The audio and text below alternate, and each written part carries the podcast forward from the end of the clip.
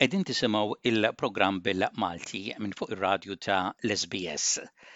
Is-sena li għaddiet ħadetilna magħha lil wieħed mill l-aktar kantanti maħbubin li għal aktar minn nofs seklu iddomina x-xena tal-kanzunetta popolari Maltija. kien wieħed mill-kantanti veterani li l-kanzunetti li ħallielna jibqgħu jintirtu mill-ġenerazzjonijiet li ġejjin. Enzo Guzman kellu rabta kbira ma' l-Awstralja, ġie hawnhekk bosta drabi jagħti kunċerti, floor shows u wirjiet ta' mużika, kant u divertiment sa mill-1977. Jiena kelli l-opportunità li inkellmu bosta drabi kemm meta kien ikun l-Awstralja u anke meta kien ikun qed jaħdem fuq xi kunċert jew jirbaħ xi festival tal-kanzunetti. Infakkru lil Enzo Guzman u nisimgħu leħnu f'waħda minn dawn l-intervisti, din hija parti żgħira biss minn diskursata interessanti li kont għamiltlu fl-1995 fl-okkażjoni ta' kunċert kbir li kien għamel f'Dar il-Mediterran għall-konferenzi f'għeluq it-30 sena tiegħu fix-xena mużikali. Enzo Guzman kien emigra lejn il-Kanada fl-1979 u reġa' lura Malta fl-1991 u nibda biex inkellmu dwar dan.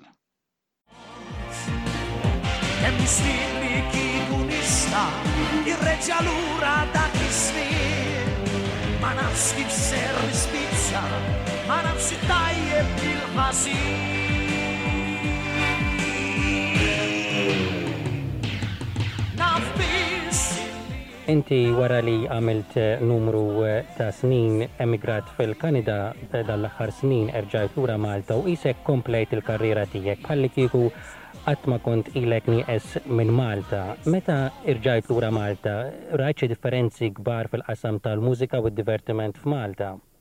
Mingħajr dubju, fil-fatt, fil-fatt naħseb, Joe, li jekk inpoġġi idea fuq il-kuxjenza u nistaqsi lili nnifsi x'kienet waħda mir-raġunijiet prinċipali għaliex ġejt lura Malta kienet appuntu din.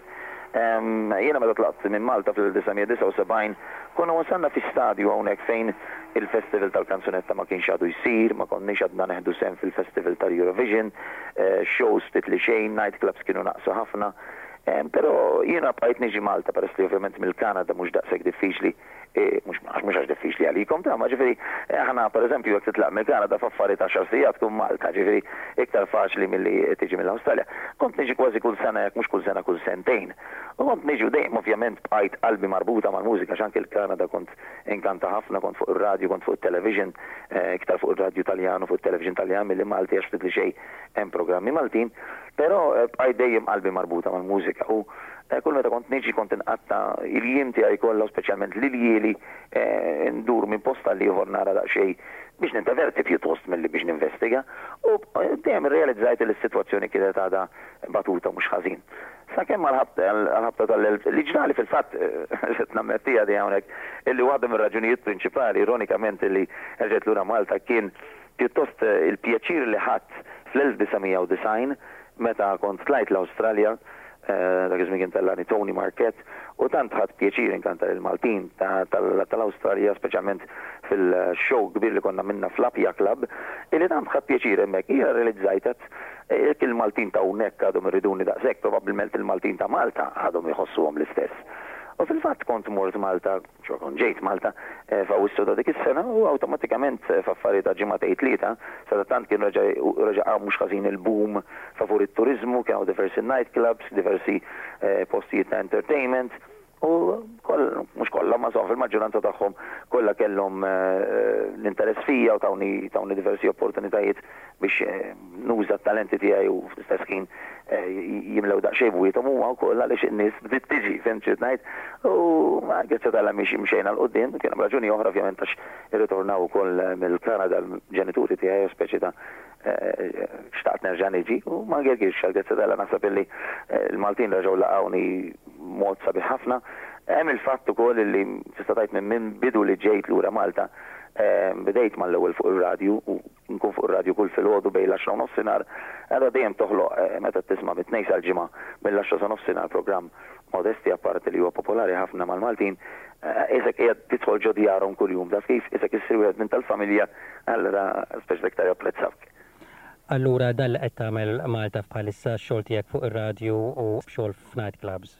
Dak kull ma qed nagħmel bħalissa ma nafx x'tafx jew int imma jiena naf li ħafna Maltin jiftakru li jiena għamilt żmien twil il-bank, fil-fatt dħalt dħalt il-Barclays Bank meta kelli sbatax-il sena, Barclays Bank eventwalment sar Mid-Med Bank u aħna kollegi antiki fil-bank ukoll.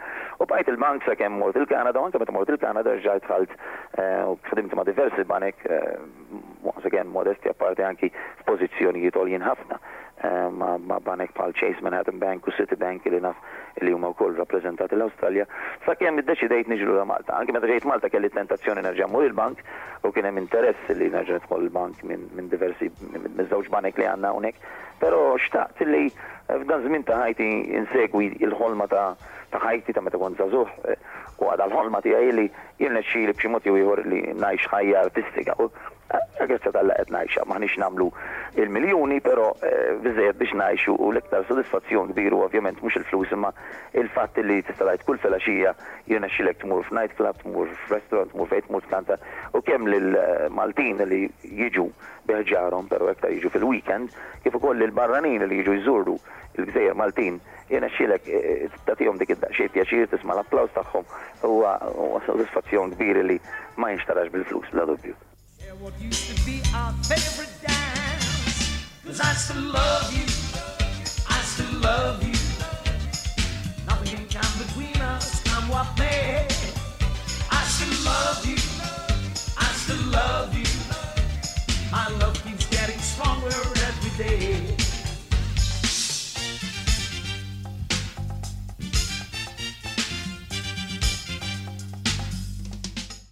Semmejt il-Festival tal-Eurovision and so waħda mill-ambizzjonijiet kbar ta' kull kantant Malti hija li xi darba jirrappreżenta lil Malta fil-Festival tal-Eurovision. Inti kif taħsibha dwar dan?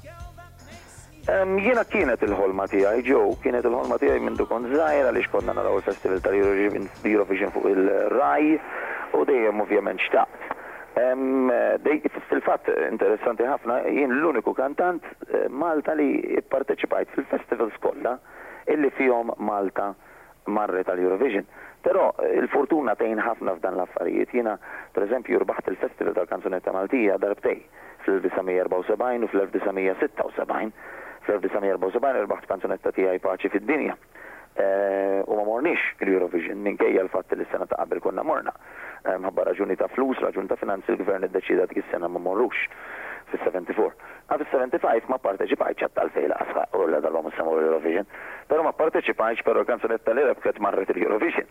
Għada fis-76 iddeċidejt nerġa' nieħu sehem u għad la s-sena l-oħra morna nerġgħu mmorru dis-sena. Pparteċipajt fis-76, erġajt irbaħt, bil-kanzunetta ta' Ray Agius u Alfred Sant, u il-kanzunetta Sing Your Song Country Boy, erġajt irbaħt u reġgħu, reġa' l-Gvern iddeċieda ma jibgħatunix. Ma batunix imma b'raġuni ta' finanzi. Minn hemmhekk konna waqqafna kompletament. Minn meta ġejt lura Malta, fl-ewwel sena kombinazzjoni li ġejt lura Malta ġajna bdejna neħdu sehem u l-istess ħadt sehem fil-festivals kollha, s'issa għad qatt ma kelli l-kanzunetta perfetta biex ngħidu hekk li tista' tirrappreżentana. Però il-fatt li tirrappreżenta lil Malta fil-Festival ta' Eurovision mhux xi ħaġa grandjuża. L-unika ħaġa li qed jiġri u hija raġunata, li sfortunatament, u nerġa' nirrepetiha, b'enfasi qawwi. Sfortunatament, aħna l-Maltin meta nipparteċipaw f'xi ħaġa rari niġu minn ta' quddiem.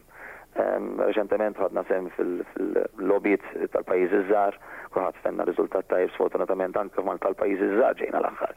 Meta jaslu l-Olympics anqas navviċinaw aktar mill-heats. Meta naslu fil-World Cup jew European Cup dejjem ninqalgħu mal-ewwel żewġ logħbiet. Ara ħaġa naturali, minn meta Paul u Georgina ħadu sehem fil-festival tal-Eurovision xi ħames snin ilu u marru l-Eurovision u ġew il-ħames, dik kienet uforja qawwija għall-Maltin, sodisfazzjon enormi li naraw xi ħadd Malti u isem Malta ovvjament jidher kbir. L-istess ġara b'Mary Spiteri, l-istess ġara b'William Mangion, l-istess ġara anki b'Chris Sumoira u anki b'Mike Spiteri din is-sena għax ħafna qalu għax ġejna l-għaxra. Tiġi l-għaxra fost 23 pajjiż hija xi ħaġa tajba ħafna fl-opinjoni tiegħi u fl-opinjoni ta' ħafna. Però sfortunatament li ma jistgħux jirrealizzaw il-Maltin huwa li l-festival tal-Eurovision mhux regarded bħala xi ħaġa kbira. Din is-sena kelli l-opportunità peress li l-PBS, l-istazzjon, il-kumpannija li tagħha huwa l-istazzjon li miegħu naħdem kull filgħodu Radju Malta, dis-sena ddeċidew jibgħatu lili biex nagħmel il-kummentarju mill-festival tal-Eurovision u mort l-Irlanda ma' Mike Spiteri, Mara Agius u Alfred San. U komplejt ikkonfermajt li l-festival mhux xi ħaġa grandjuża, però għall-Maltin huwa xi ħaġa grandjuża fis-sens li onestament jien wasalt fi stadju li kieku qas nieħu sehem iżjed, però ladarba l-Maltin jikkonsidrawh bħala xi ħaġa li hija xi unur kbir, allura nixtieq nieħu sehem, nibqa' nieħu sehem diment li Alla jtini l-forza u diment li ikolli l-vuċi ma nkunx xjaħt wisq, nibqa' nieħu sehem forsi fl-aħħar tinzertali s-song tajba u mmur Eurovision.